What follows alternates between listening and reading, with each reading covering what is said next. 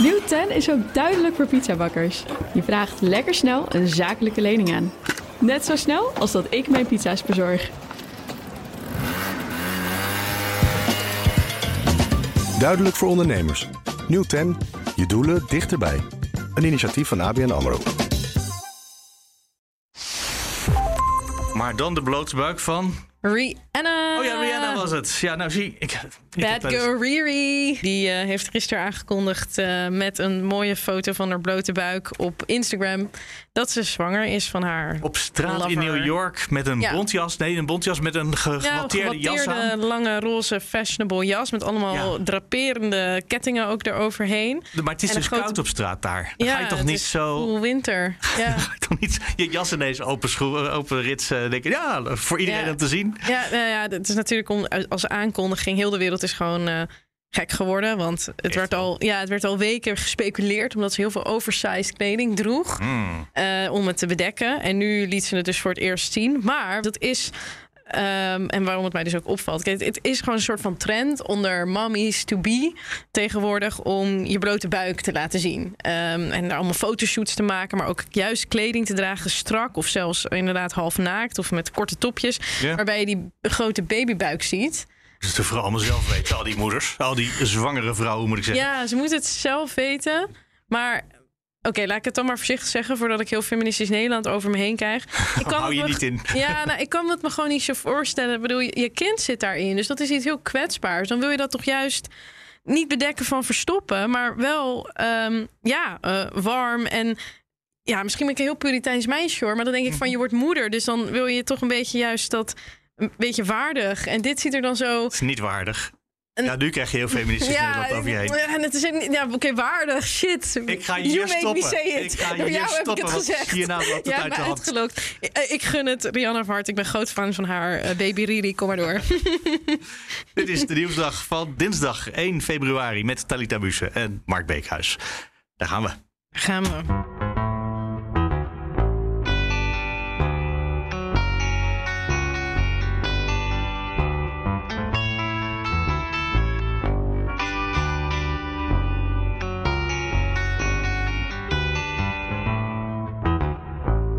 ...2G is eh, vandaag tijdelijk gesneuveld. eh, Oh, dat zeg je goed subtiel. Tijdelijk, gesneuveld. tijd, ja, nee, ja, dat, dat is de tegenstelling.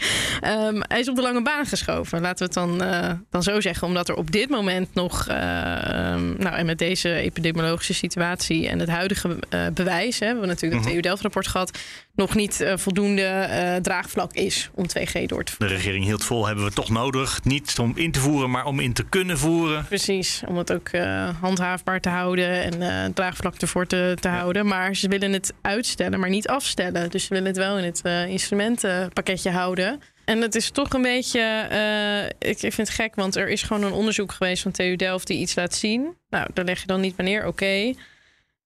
Dan heb je ook nog de principiële kant eraan. Weet je, eh, het, het, het is, ze houden er wel erg aan vast. Waarom? Dit is toch niet zo'n zo'n leuke maatregel om te nemen, weet je? Dat ik denk, ja, Nee, maar dat geldt voor geen enkele corona. Nee, dat klopt, dat klopt, dat klopt. Maar ze, ze, ze blijven. Ik, ik, nou, ik, ik weet niet. Het Ja. geeft me een onheimisch gevoel. Uh, want wat ik trouwens interessant vind, is dat dus de Kamer zou vandaag stemmen over Ja. een motie waarin überhaupt die hele wet ingetrokken zou kunnen worden.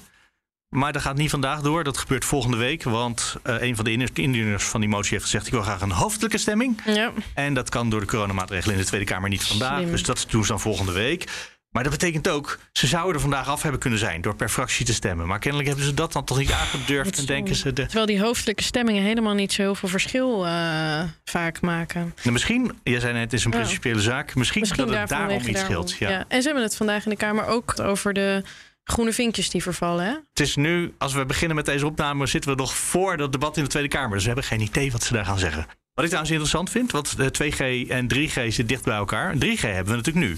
Ja. En Dat leidt wel tot de eerste problemen. ik, ja, ben jij wel gecontroleerd bijvoorbeeld met QR-codes als je ergens wat ging eten of drinken? Of ik heb één keer, één keer koffie gedronken, toen ben ik niet gecontroleerd. En ehm, bij dat Italiaantje waar ik altijd afhaal, waar ik het Ja, vorige keer had- ja, maar dan zie ik dat ze controleren. Dus daar controleren ze plichtsgetrouw. Oké, nou, ik, ben op, ik ben op twee plekken geweest tot nu toe. Ook weer niet zoveel. En tot nu toe niet één keer een QR-code laten zien. Bij musea zijn ze heel trouw. Maar als je ergens wat gaat drinken, dan laten ze het los. Wel de anderhalve meter, niet die QR-code en al helemaal niet identificatie om te kijken of die QR-code wel van mij is. Maar wat jij net zei, die eerste problemen zijn er ook van. Want de burgemeester van Apeldoorn die heeft dus nu wel een wijnbar voor twee weken gesloten. Ja. Wat meteen best wel een serieuze maatregel is. Als je de twee weken nadat iedereen weer open mag, meteen correct- dicht jij moet. juist als enige dicht moet. Ja. Eh, omdat ze alle maatregelen daar gesloten, eh, overtreden hadden. Dus niet alleen geen QR-code, maar ook nog standvol. En ook, eh, ja. Dus ik snap daar wel iets van. Maar tegelijkertijd, dat is dan toch ook... Nou ja, ik heb wel eens voor de deur gestaan en er werd niet gecontroleerd. Terwijl ik netjes stond te wachten op zo'n scan. En toen dacht ik, eigenlijk, eigenlijk moet je gewoon principieel nu weglopen natuurlijk. Want ik bedoel, je mag voor of tegen die code zijn. Maar de wet zegt, die code moet gescand worden. Oh, dat is gewoon grappig. Dan heb je dus nu twee groepen. Dan heb je mensen die lopen principieel weg als er gecontroleerd wordt. En je hebt mensen die lopen principieel weg Nou, als er niet gecontroleerd wordt. Maar ik heb dat nu nog niet gedaan. Oké. Het was toch iets Nou. te veel toe aan bier of wijn of eh, koffie. Of wat er op dat ogenblik ook... eh, een glas sinaasappelsap ook nog, ja. Ik denk dat dat voor iedereen eh, eerlijk gezegd geldt. Dat dat toch sterker is dan, eh, dan principes. De Nou. behoefte om bij elkaar te zijn. 500.000 Hangt er een beetje vanaf hoe de situatie zich ontwikkelt. Met wat hadden we nu? 500.000 besmettingen, Besmettingen die- eh, in ja. één week. Het is het record in de hele oplopende pandemie. ziekenhuiscijfers weer. Dus misschien dat het toch spannend is op Ja. het ogenblik. Was de, wat de regering ook zei, hè? Ja, ja, we zitten nu wel echt eh, gevoelsmatig, heb je dat niet? En dat het echt een andere fase is. In de zin van 500.000 besmettingen. Ja, dat is een half miljoen. En een half miljoen mensen op dit moment die dus corona heeft. Bijna heel Ja, Rotterdam is, dat. Dat is echt bizar. En ik, ik denk dat het meer, dat gaat alleen maar nog meer worden. Als je kijkt naar Denemarken en andere landen die op ons voorop, vooruit lopen, dan alles open, alles gaat gewoon los. En het is gewoon, nou ja, volledig laten we het nu lopen. Met, eh, met Ja, die nou. Omicron variant. Behalve dat ik gisteren of eergisteren in de metro zat. Hm? Gisteren met die storm. Toen dacht ik, dit is niet om tegenin te fietsen. en toen viel mij op dat bijna iedereen zijn eh, neus-mondkapje goed op had. Niet alleen op, maar goed. Er was één iemand op 200 of zo die niks bij zich had. Voor de rest had iedereen het gewoon eh, niet onder zijn kin. Wat je meestal zag in de Dan moet je afgelopen niet in weken. Rotterdam gaan kijken, want daar hebben mensen het niet eens meer op. Gewoon niet eens meer bij zich. Dus gewoon mensen lopen gewoon zonder Ja, mondkapje de metro in. ik zag, een, eh, ik zag een, een beweging de andere kant uit ineens. Mm. Die ik niet verwacht had. Want ik dacht, in, nou ja, je hoort heel veel klagende Ja. mensen. Ja. Die allemaal zeggen, het is heel erg dit. dat, nou ja, goed, dan is het heel erg. Zullen we nog één niet-corona berichtje doen? Ja, graag. In België gaan ze voor korte vliegreizen tot 500 kilometer een tientje aan vliegbelasting eh, berekenen. Mhm. Dus eh, wij hebben onze vliegbelasting van 7,85 euro. Ja. We gaan daar ietsje overheen. Voor wat verder weg krijg je dan 2 of 4 euro erbij. En dat wordt over een paar En maanden wat is ingevoerd. kort dan? Wat is korte afstand? 500, 500 kilometer. Dus dat is, eh nou, Antwerpen, wat is het? Brussel naar Amsterdam, Brussel naar Parijs. Ik vind het sowieso bizar dat mensen dan überhaupt vliegen. Ik vind dat ze het moeten schrappen, die vluchten. Ik vind niet eens vliegbelasting. Schrap alle vluchten. Het is Tussen, ongelooflijk ingewikkeld juridisch wat je voorstelt. Maar het is een goed idee. ik vind, ja, ja, toch? Het is toch heel raar dat je in een vliegtuig kan stappen. Kom op, tussen Brussel. Want dat, je kan niet eens dan opstaan. Wat, wat doet dat ding? Rijdt hij gewoon over de grond of zo met een rotvaart? Ik bedoel, tegen de tijd dat je bent opgestegen, dan kan je gewoon weer naar beneden, toch? Vroeger hadden we vluchten van eh, Amsterdam naar Eindhoven. Ja, het is toch bizar. Afschaffen die handel. De voorspelling. De Talita. voorspelling. Volgens mij ben jij weer aan de beurt. Ehm, ja, en deze hoop ik natuurlijk ook te gaan winnen. Nou, Eh, maar ja, van tevoren zei je al een beetje wat het zou kunnen gaan worden. Ja, Ik hoop eigenlijk dat je verliest deze. ja 1 Dit- miljoen besmettingen per 1 week. miljoen We zitten nu op een half miljoen. Ja, En ik denk dat we wel naar 1 miljoen eh, gaan, gegeven hoe hard dit virus nu rond waart. dus je wint als je Ja. gelijk krijgt, maar je wint ook als je geen gelijk krijgt. Dit is een Ja. hele slimme. Ik, precies, precies. Ben sowieso. We gaan naar Oekraïne. Kiev, om precies te zijn. Daar zit Geert-Jan Haan, onze verslaggever van BNR. Die zich heel veel bezighoudt met Oost-Europa. Trouwens ook maker van de Perestroikast. Want daar is de spanning ietsje uit de lucht misschien gehaald de afgelopen dagen, Geert-Jan. Nou, als je hier op straat loopt, dan merk je echt helemaal niks. Dan heb je totaal niet het idee eh, wat er eventueel in de lucht zou hangen. Er ligt gewoon sneeuw, het is koud. eh, mensen halen hun eh, hapje en drankje, stappen in de metro. Er is niks aan de hand hier. Maar als je dan de lucht ingaat, dan denk je... ja, is hij nou nog om te snijden of niet? En als je dan hier in het diplomatieke centrum van Kiev bent... dan denk je van wow, hier komt de hele wereld eventjes samen deze dagen... Eh, inclusief eh, Mark Rutte en Wopke Hoekstra. Nou, die moeten allemaal ervoor zorgen dat die spanning tussen Oekraïne en Rusland niet meer om te snijden is. Ja, want Rutte en Hoekstra die gingen er vandaag heen, maar die worden niet eh, ontvangen vandaag. Dat is morgen. Ja, die komen uh, van een koude kermis thuis. Ja. Die zijn ook uh, daarom wat later maar in het vliegtuig uh, gestapt. Eind van de middag zijn ze hier aangekomen. En er is volgens mij vanavond wel een ontmoeting met de premier. Die heet Schmigal. Niet te verwarren met het karakter uit Lord of the Rings. Maar, um, Ik denk dat heel de wereld ja, dat ja, benoemd heeft. Schmigal. ja, Ukraine is his precious. Dus wat dat betreft. Maar okay. het is wel zo dat Zelensky, ja, daar draait het om dat is de president. Dat is uh, een beetje vergelijkbaar met Macron in Frankrijk. Hè. Daar, daar draait mm -hmm. het gewoon om.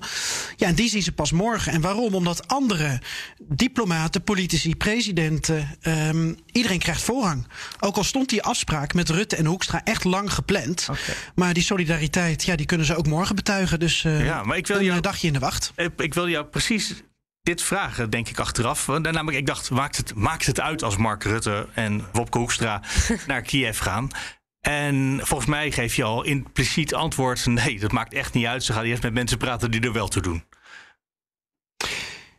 Ja, tegelijkertijd kan je je ook afvragen of uh, andere uh, politici er heel erg toe doen. Het is een handjevol dat denk ik echt belangrijk is in deze crisis.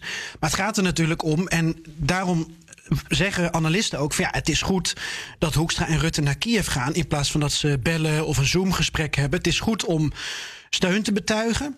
En um, tegelijkertijd stond dit dus al op de agenda. En dat had dan weer meer te maken met MH17. Want je moet je voorstellen, Rutte is nog niet in Oekraïne geweest tijdens zijn premierschap. Of tij, ja, na die ramp. Um, dus een deel van de agenda uh, vandaag en ook morgen staat in de teken van de afhandeling van MH17. Dat sneeuwt dus een beetje onder door deze crisis. Maar het is denk ik voor Rutte zelf echt wel belangrijk. Ik denk dat hij in het vliegtuig op weg naar Oekraïne er ook wel even aan gedacht heeft hoor. Dan moeten we het dus hebben over de, het conflict met, uh, met Rusland. Dan is het natuurlijk wel het heel fijn dat er allerlei vrienden vanuit allerlei landen samenkomen. Zodat ze heel eensgezind tegenover Rusland kunnen gaan staan. Maar dan, maakt, dat, maakt dat indruk in Moskou? In Moskou of in Kiev? Nou, in Kiev. Ja, allebei. Is dat een goede vraag? Maar ik, ik, dacht eerst, we, gaan, we staan naast Oekraïne staan. Zou dat in Moskou aankomen, dat bericht? maar misschien is de vraag ook wel, maakt dat indruk in Kiev? Ja, goede vraag. Ik vind, hem, ik vind ook deze lastig te beantwoorden. En weet je waarom? Omdat iedereen er anders naar kijkt. En er zijn maar een paar mensen in Rusland die er ook echt toe doen. Uh, we hebben zoveel Poetin-watchers en, en, en versteers en, en Kremlin-watchers. En niemand weet echt wat Poetin denkt of wil of vindt. Um, je hebt twee of drie hele belangrijke diplomaten en ministers voor hem. Dat zijn Lavrov van Buitenlandse Zaken, uh, Shoigu van Defensie en ook de diplomaat die het uh, Normandië-format trekt. Dat zijn de onderhandelingen met uh, Duitsland en Frankrijk hè, over eerdere akkoorden die zijn gesloten. Dat is meneer Kozak. Ja, dat zijn hele belangrijke vertrouwelingen voor Poetin. Maar van die vier weten we eigenlijk nooit echt wat ze denken. Ze laten niet in hun.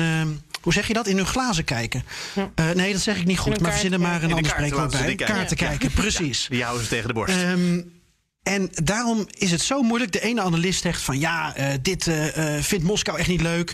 En de ander zegt uh, het maakt ze niet uit. Hetzelfde als met als Biden uh, ferme taal uitslaat richting het Kremlin. Hè? De ene analist zegt van ja, dat is goed, want uh, Poetin houdt niet van uh, andere sterke opvattingen. En de ander zegt van ja, maar dit is alleen maar voer voor escalatie. Ja. ja, we weten uiteindelijk pas op het laatst wat het resultaat is. Uh, je zou alleen kunnen zeggen op basis van het verleden dat uh, de oorlog uh, in Oost-Oekraïne er is gekomen en dat die woedt, dat de Krim is geannexeerd. En niet onbelangrijk, want ik noem al even MH17, dat MH17 natuurlijk gedurende dat conflict ook is neergehaald. Verwacht je dat, dat er de komende dagen zeg maar echt nog een spannend, spannende ja, gesprekken komen of spannende momenten komen? Er zijn ongelooflijk veel gesprekken, Talit. Dat ja. is echt niet bij te houden. Uh, dat, dat maakt het voor mij ook lastig, want ik ben wel in Kiev. Maar eigenlijk zou ik hier opgesloten in mijn hotelkamer de hele dag alle persbureaus en Twitterberichten moeten lezen. Want ja, dan ben je op de hoogte van alle, alle telefoontjes en Zoomgesprekken en, en, en bezoeken hier. Um, of ik ga lekker posten bij, uh, uh, bij de residentie van de president. Um, dat is niet het Kremlin, hier heet het Bankova. Dus dat is dan niet Kremlin Watchen, maar Bankova Watchen. Ja, wordt het spannend. Wat op dit moment het meeste speelt, maar dat gaat een beetje buiten Kiev om. Dat is dat uh, het Kremlin schriftelijk zegt te hebben gereageerd op uh, de reactie van Washington. Hè, dus die, die brieven die Amerika en Rusland naar elkaar aan het schrijven zijn over van nou gaan we nou in op de NAVO-eisen van Rusland of niet. Ja, dat is denk ik het spannende van dit moment. Hier in Oekraïne, dit is echt een diplomatiek circus. Dit is bijna een show. Het past ook bij Zelensky. Dat is voordat hij president was, was hij tv-komiek. Ehm, en heeft hij een serie gemaakt, eh, een beetje à la House of Cards. Hij heeft namelijk president gespeeld in een hele goed bekeken tv-serie. Ja, nu speelt hij president in het echt. En dat is toch wel andere koek. Ik wil nog even naar, terug naar buiten. Want je zei net, hier op straat merk je, Ja. tenzij je in de ambassadewijk bent, helemaal niks van dat er een crisis is. Je ziet wel hier berichten, als ik gewoon ook naar het nieuws kijk, een artikel van Trouw en andere artikelen over de bevolking is zich aan het bewapenen. Die zijn eh, trainingen aan het geven. Die zijn eh nou, gebeurd van alles. Dus dat, dat is ook één deel van het beeld wat je ziet. Dus je ziet dat hier diplomatieke nieuws, maar je ziet ook een beeld van. Nou, er is toch toenemende onder de bevolking ook eh, voorbereiding. Maar jij zegt van ik zie eigenlijk gewoon een vrij normaal straatbeeld. Ja, het straatbeeld is normaal. Ja. Eh, maar wat je schetst klopt ook wel. Eh, maar als er cursussen worden gegeven. eh, of als mensen leren zich te bewapenen. dan gebeurt dat natuurlijk ja, op, op, op hoekjes Ja, van de de straat. Waar ik dan weer niet kijk. Nee. Ehm, dat zou zomaar kunnen. Ik ben vandaag even bij de ambassade geweest. En daar kwam ik ook een, een Nederlandse ondernemer tegen. Die ehm, het paspoort voor zijn voor zoontje heeft eh, geregeld. Eh, dat was verlopen. En eh, ja, om toch, als het moet, het land uit te kunnen. Hij heeft een, eh, een jerrycan. ehm, gevuld met benzine. Voor het geval er een cyberhack plaatsvindt op Oekraïne. Je twee dagen niet bij je geld kunt. ehm, Maar je toch ja, benzine zou willen hebben en dat dan niet kan betalen.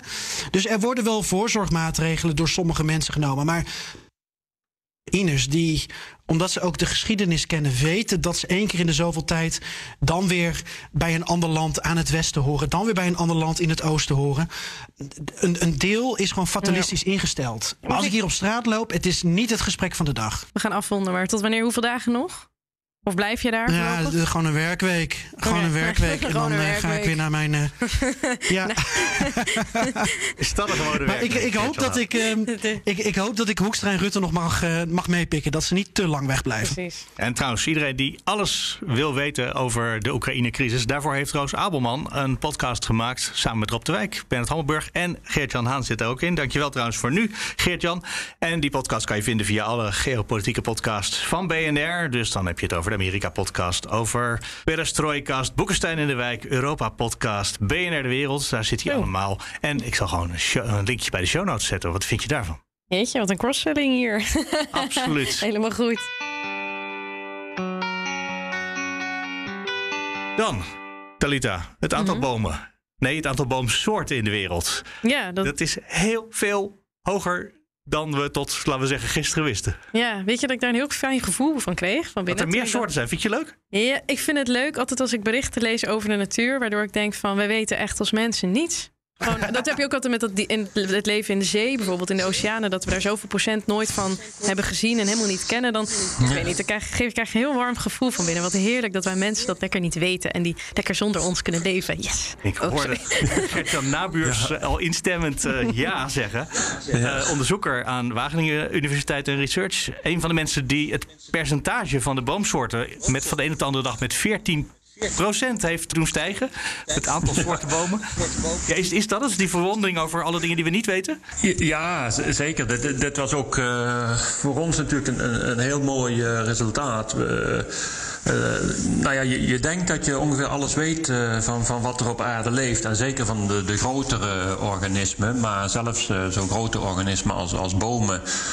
Val je toch nog wel eens in van de ene verbazing in de andere. En Kan je ze veel missen? Ze zijn zo groot, zoals u zegt. ja, maar er zijn.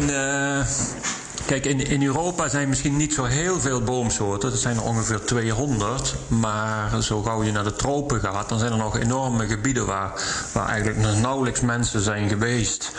En, eh, en die, nou, er zijn misschien wel mensen geweest, maar zeker zijn ze nooit eh, wetenschappelijk bekeken of, of geïnventariseerd. En, en langzaamaan gebeurt dat steeds meer. En dan, dan eh, ja, dat is toch heel verbazingwekkend dat je dan nog zoveel nieuwe boomsoorten aantreft. Hoe is dit ontdekt? Nou, dus, ehm, we hebben een, het is een hele grote groep eh, van onderzoekers over de hele wereld. Eh, meer dan 200 auteurs hebben hier aan meegedaan, die, die allemaal gegevens hebben eh, waarbij in de bossen de bossen zijn opgemeten en geïnventariseerd. Dus er zijn steeds meer punten op de wereld waar die gegevens eh, bij elkaar eh, zijn gebracht. En, en er zijn, wij hebben nu in de database 1,3 miljoen punten waar het bos is, is gemeten en geïnventariseerd. Gaat het allemaal handmatig? Zijn er dan mensen bomen aan het tellen met een eh, lijstje? Ja, en dan het, of- ja. Hoe gaat dat? Ja, ja dat, dat is, eh, on- ondanks dat de satellieten elke dag overvliegen, eh, komt het er toch nog op neer dat je inderdaad eh, veldploegen en, en ecologen en bosbouwers en inventarisatiemensen echt eh, het bos intrekken en op een eh, gestandaardiseerde manier op bepaalde punten het bos meten en, en de soorten opnemen. En Maar punten dat noemen we. Punten, dus dat Ja, zijn dat nog steeds kleine punten. stukjes. Dus het is nog steeds, Dat de, de hele wereld ja. hebben we nog niet gezien. Nee, nee, nee, zeker niet. Dat zijn inderdaad maar kleine, we noemen dat plots, eh, En dat, staan zo, dat zijn vaak maar eh, punten met eh, waar misschien 20 of 30 bomen staan. En die worden opgemeten en geïnventariseerd. En dan, dan trekt zo'n, en zeker in, in de, hier in, in Europa, trekt zo'n veldploeg weer verder. En dan elke kilometer wordt zo'n punt opgemeten. En dat, dat geeft dan een beeld van de hoeveelheid soorten en welke soort waar staat. En, eh, en ook wordt natuurlijk in, in Europa en de VS wordt ook opgemeten hoeveel de groei is en hoeveel er geoogst wordt. Maar dus ook welke soorten er staan. Maar dat betekent dat we nog steeds nog weer meer boomsoorten kunnen ontdekken als er weer mensen op nieuwe punten gaan kijken. Dat klopt. En dat, dat geldt zeker voor de tropen, waar nog, nog hele grote gebieden zijn waar dit, dit veldwerk op de grond eigenlijk nog nauwelijks gebeurd is. Dus de- daar zullen we zeker nog eh, heel veel nieuwe soorten tegenkomen. Worden in Nederland ook nieuwe soorten aangetroffen? En zaten die ook in dit onderzoek? Nee.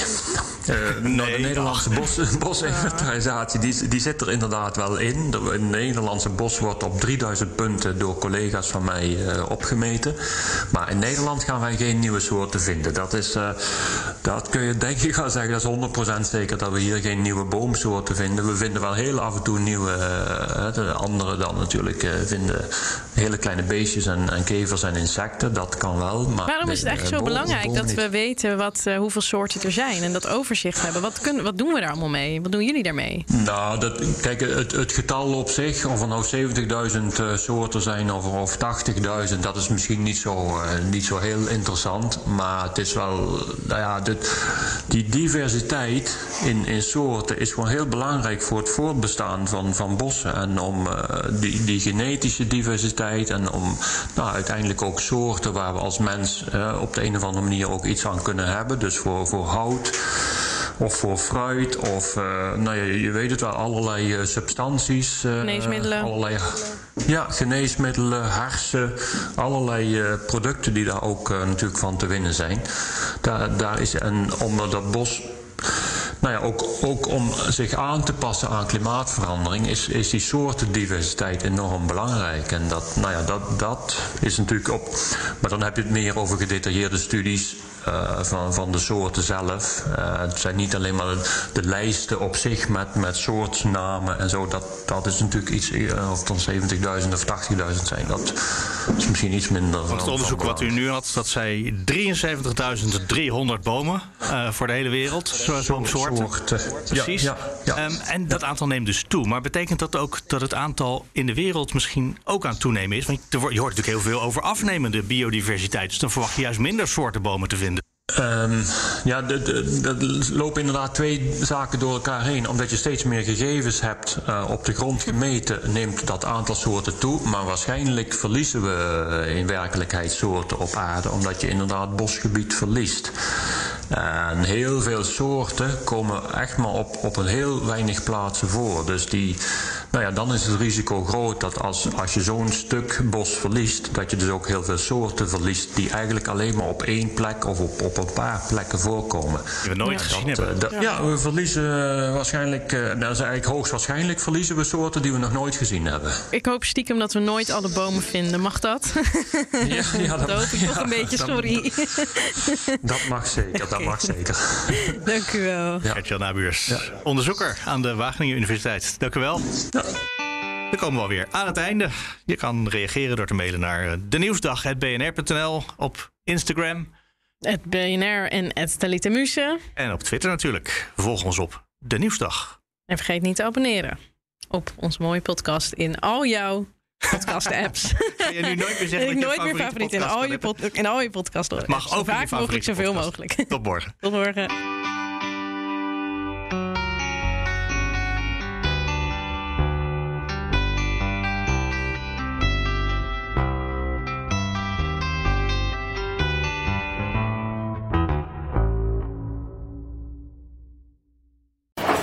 Nieuw 10 is ook duidelijk voor pizzabakkers. Je vraagt lekker snel een zakelijke lening aan.